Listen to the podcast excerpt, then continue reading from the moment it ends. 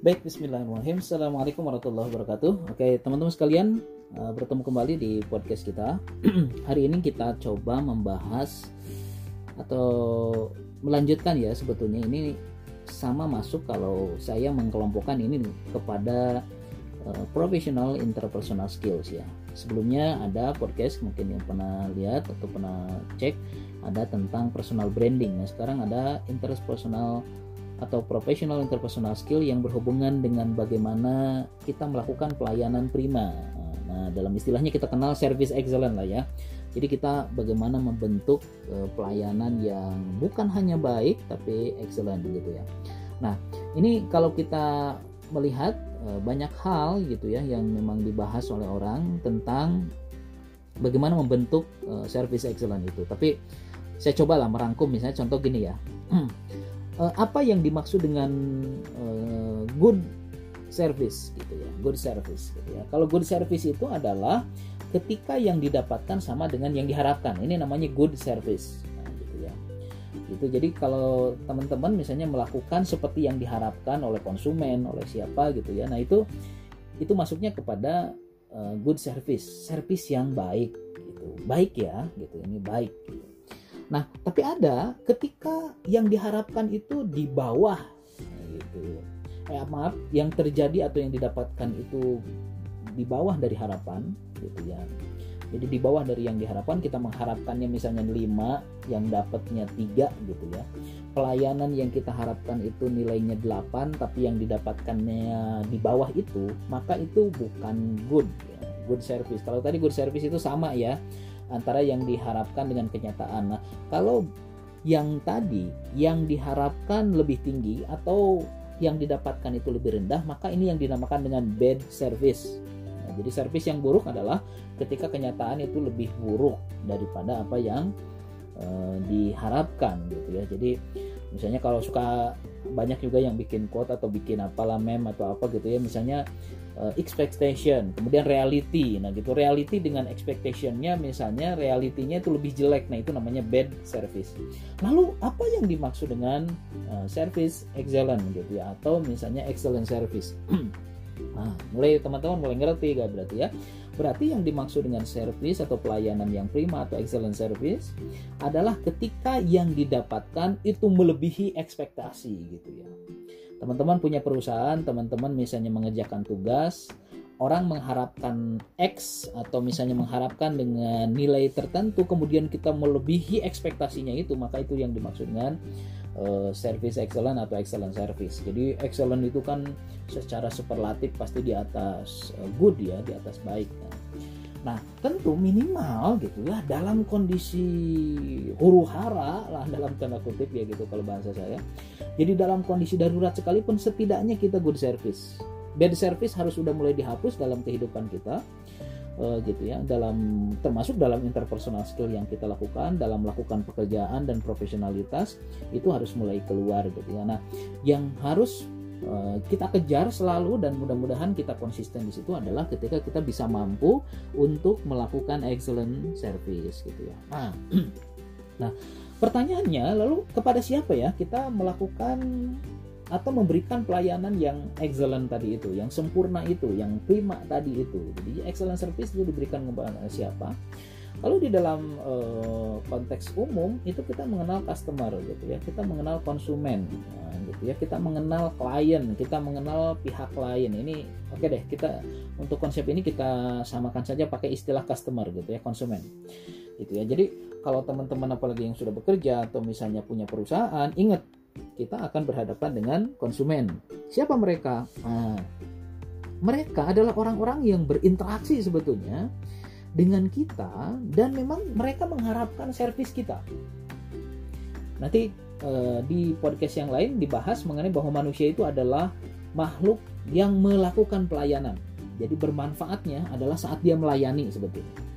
Nah, makanya dalam bisnis pun sebetulnya hakikat bisnis kan kita sedang melakukan pelayanan. Kita melayani orang lain, melayani kebutuhan orang lain yang ketika pelayanannya itu sesuai dengan yang diharapkan, maka orang dengan senang hati menggantinya dengan sekian nominal uang. Nah, gitu. Jadi sebetulnya uh, every time gitu ya. Jadi kita setiap saat adalah sedang melakukan pelayanan gitu. Kita sedang melakukan pelayanan. Nah makanya pelayanan pada siapa? Pada konsumen gitu ya. Kalau misalnya di dalam konsep nih konsumen ada dua nih ada dua. Satu internal customer yang kedua eksternal customer.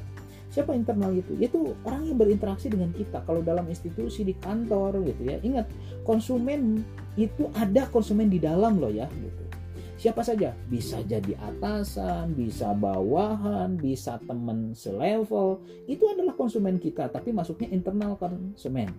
Jadi kalau kita berbicara tentang uh, memberikan pelayanan terbaik excellent service maka itu berbicara pelayanan yang terbaik termasuk kepada yang internal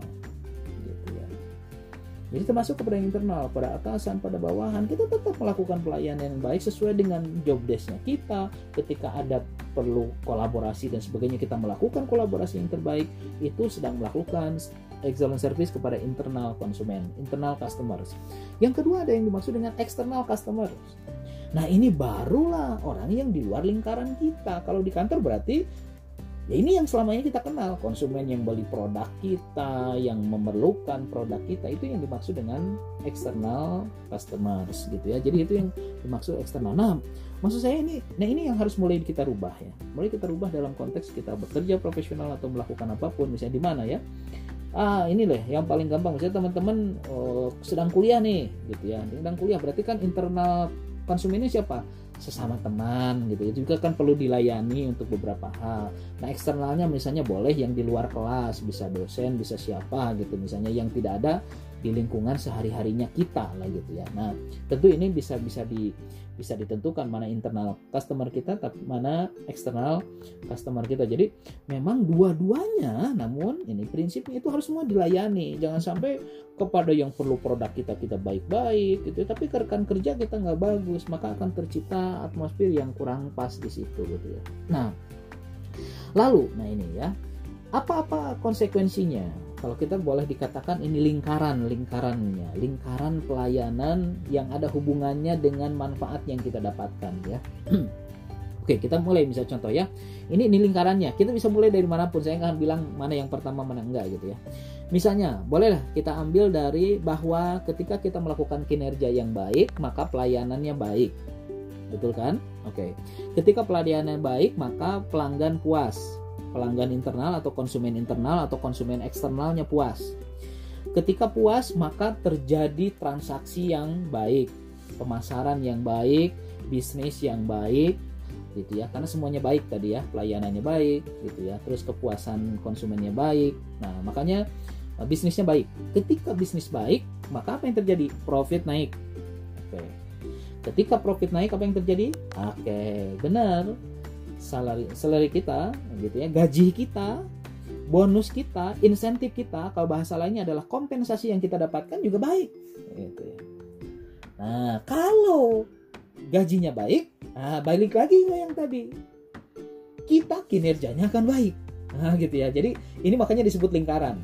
Nah cuman gitu ya hal paling bijak yang bisa kita lakukan adalah bukan menuntut kepada eksternalnya kita gitu ya. Jadi kayak tadi gaji itu kan eksternal, misalnya kompensasi itu kan dari luar misalnya. Tapi kan bisa menuntut itu yang dari dalam dulu. Kalau kita mau mulai lingkaran ini dimulai dari mana nih yang bisa kita lakukan? Bisa jadi dari kita. Ya sudah. Kita naikin dulu kinerjanya yang baik gitu ya. Layanannya kerenin gitu. Kepuasan nanti semua konsumen kita baik internal atau eksternalnya baik, bahkan excellent gitu ya. Bisnisnya keren, profitnya keren, akhirnya kompensasi kita juga baik gitu ya. Jadi kita bisa mulai dari kinerja kita sendiri. Karena ada, nah ini mohon maaf ya, mohon maaf ada orang yang sampai gini, oke deh kalau gaji saya dinaikin, baru saya nanti kinerjanya bagus deh gitu. Coba kalau bonusnya saya naik, maka saya, nah dia kurang bijak nih, karena dia sedang menuntut pihak lain gitu. Paham ya? Oke, oleh karena itu apa yang pelayanan yang bisa kita lakukan gitu ya. Nah ini kurang lebih ada sekian komponen dalam pelayanan nah, yang kita bisa lakukan. Nah ini lagi-lagi sekali lagi berhubungan dengan inter atau professional interpersonal skills. Baik, yang pertama pelayanan apa ya yang kita lakukan? Yang pertama adalah information. Nah, jadi kita melakukan pelayanan informasi. Jadi memberikan informasi yang jelas pada konsumen internal dan konsumen eksternal itu bagian dari kita melakukan pelayanan. Ketika mau melakukan excellent service, pelayanan yang baik berarti informasinya juga harus excellent. Dari caranya, prosesnya, termasuk toolsnya. Gitu ya. Misalnya contoh, teman-teman kalau mau menjelaskan apa nih, misalnya informasi bagi apa ya, produknya misalnya obat nih ya obatnya kemudian kita jelasin dengan sangat baik, prosesnya sangat simpatik, berkomunikasinya dengan baik, kemudian tools yang kita pakainya juga jelas. Ketika kita bawa tools, misalnya ada yang memakai laptop, ada yang memakai misalnya tab, iPad atau apa, itu kan lebih baik daripada hanya lembaran kertas. Ini kan tools gitu ya. Jadi ini akan membantu orang yang mendapatkan informasi dari kita konsumen mau internal maupun uh, eksternal itu puas dengan kita oh iya ya ini saya cuma mengharapkan dia bawa kertas aja misalnya. Kemudian jelasin ke kita dalam bentuk draft gitu. Eh ternyata dia udah pakai PowerPoint misalnya. Dia udah pakai presentasi yang keren nih. Bahkan ada filmnya bahkan ada audionya gitu ya dan sebagainya deh. Akhirnya orang puas gitu. Dan setelah puas nanti kita akan lihat apa yang terjadi pada kita ya. Oke, itu yang pertama ya. Yang kedua adalah konsultasi. Gitu ya. Jadi kalau tadi informasi, sekarang konsultasi. Berarti kalau ada konsultasi berarti diawali oleh kebutuhan. Kalau informasi itu kita punya informasi, kita punya berita, punya info, punya sesuatu yang mau disampaikan pada orang. Kalau ini konsultasi, konsultasi itu kan diawali oleh kebutuhan. Kebutuhan dari konsumen internal misalnya. Aduh, misalnya kita jadi supervisor biasanya kan kalau konsultasi itu dari bawah misalnya gitu ya. Atau bisa jadi ada konsultasi loh dari atas misalnya. Atasan kita misalnya nggak tahu nih tentang ilmu yang memang itu ada di bagian kita. Misalnya kemudian mintalah pertimbangan ke kita misalnya X atau Y atau Z. Ini nih gimana ya cara untuk menaikkan ini gitu ya. Misalnya itu konsultasi kemudian kita berikan konsultasi yang baik uh, gitu ya dengan tadi excellent maka itu juga akan memberi kepuasan gitu ya. apalagi kepada eksternal ya banyak yang konsultasi. Apalagi misalnya di dunia medis di dunia bank di dunia ya semuanya gitu. Orang perlu konsultasi. Konsultasi itu dia sedang membicarakan kebutuhan. Berarti excellentnya kita adalah saat kita ketika melakukan konsultasi itu memberikan kebutuhan yang sesuai pasti kalau itu baru good ya kalau sesuai. Ini yang di atas kebutuhan itu. Bahkan mungkin kita yang duluan nanya gitu ya, apa yang bisa saya lakukan ya gitu ya. Nah, ini yang mungkin kita perlu latih bersama ya. nah, yang kedua, ada yang eh, oh, maaf, yang ketiga ini ada yang maksud dengan undertaking gitu ya. Jadi undertaking itu eh, ini biasanya pelayanan dalam bentuk untuk memudahkan prosedur. Nah, memudahkan prosedur. Jadi gimana ya ketika kita bekerja, ketika kita misalnya melakukan interaksi sosial, bahkan dalam kehidupan yang lain kita melakukan servis yang memudahkan prosedur seluruh pelayanan itu kita mudahkan gitu. Kenapa? Karena satu itu kebutuhannya adalah kebutuhan kita. Kita nggak bakal terlalu ribet juga untuk memberikan pelayanan karena kita sudah membentuk sistem yang memudahkan. Yang kedua, konsumen juga merasa nyaman karena segalanya lebih mudah di sinilah kekuatan bahwa simple better gitu ya. Jadi kalau sesuatu yang simple ini lebih baik. Datang misalnya kalau kita punya apa ya misalnya perusahaan jual beli apa pesannya gampang prosedurnya simple semua dilakukan dengan nyaman ini masuknya kepada layanan ketiga namanya undertaking gitu ya. Nah kemudian ada yang keempat namanya caretaking ya gitu ya. Kalau care ini kan berarti ada pelayanan yang sangat uh, spesial ya, khusus gitu, khusus. Jadi sangat pribadi. Mungkin setiap orang makanya dalam melakukan pelayanan memang ada satu latihan, salah satunya adalah lakukanlah pelayanan seolah-olah bahwa dialah yang paling istimewa loh untuk kita. Baik Pak, khusus untuk Bapak, misalnya suka ada perkataan begitu ya. Saya berikan deh sesuatu yang spesial Nanti ada lagi konsumen yang lain. Khusus jadi kita selalu memberikan hal yang sangat pribadi bagi orang tertentu. Misalnya mohon maaf ya, misalnya kita ambil contoh nih, karena kebetulan konsumennya datang memakai jilbab, kemudian kita bilang, oke, okay, khusus bagi ibu karena ibu kebetulan berhijab, ini saya, ini bu ada uh, khusus produk yang untuk orang yang berhijab. Nah, gitu ya. Kemudian ada yang datang misalnya bapak-bapak yang senang kayaknya tiap saat itu pakai kaos, Pak ini kalau untuk kaos seperti bapak yang senang pakai kaos kita punya sesuatu yang untuk bapak. Jadi ini sangat pribadi sekali caretaking. Kemudian apalagi? Ada yang nomor eh, lima ya berarti hospitality. Kenyamanan layanan. Kita memberikan layanan yang nyaman. Gitu ya. Sehingga dengan pelayanan yang nyaman itu orang jadi merasa bahwa seolah-olah saya mendapatkan feel atau enjoynya kita saat berinteraksi dengan kita dan itu tidak bisa dia lupakan. Ingat dalam bisnis sekarang bukan lagi bersaing di harga, bukan bersaing di masalah price, tapi bersaing dalam masalah emosi, dalam masalah service gitu ya. Jadi ketika kita melakukan pelayanan yang baik, service yang baik dalam konteks tadi hospitality, maka ini bisa membentuk kita untuk melakukan pelayanan-pelayanan yang baik. Pelayanan-pelayanan yang di atas itu. Jadi tingkat kenyamanannya kita tambah gitu ya. Kenyamanan yang pertama tentu sekali lagi kita jangan kalau kita berbicara ya, kita tidak dulu menuntut kepada pihak eksternalnya kita kita menuntut misalnya kepada perusahaan kita, kepada lingkungan kita jangan dulu, kita aja dulu deh gitu. Kita mulai dengan cara kita bicara, kenyamanan saat kita menyampaikan tadi yang poin-poin tadi informasi ketika konsultasi, kemudian ketika undertaking dan sebagainya.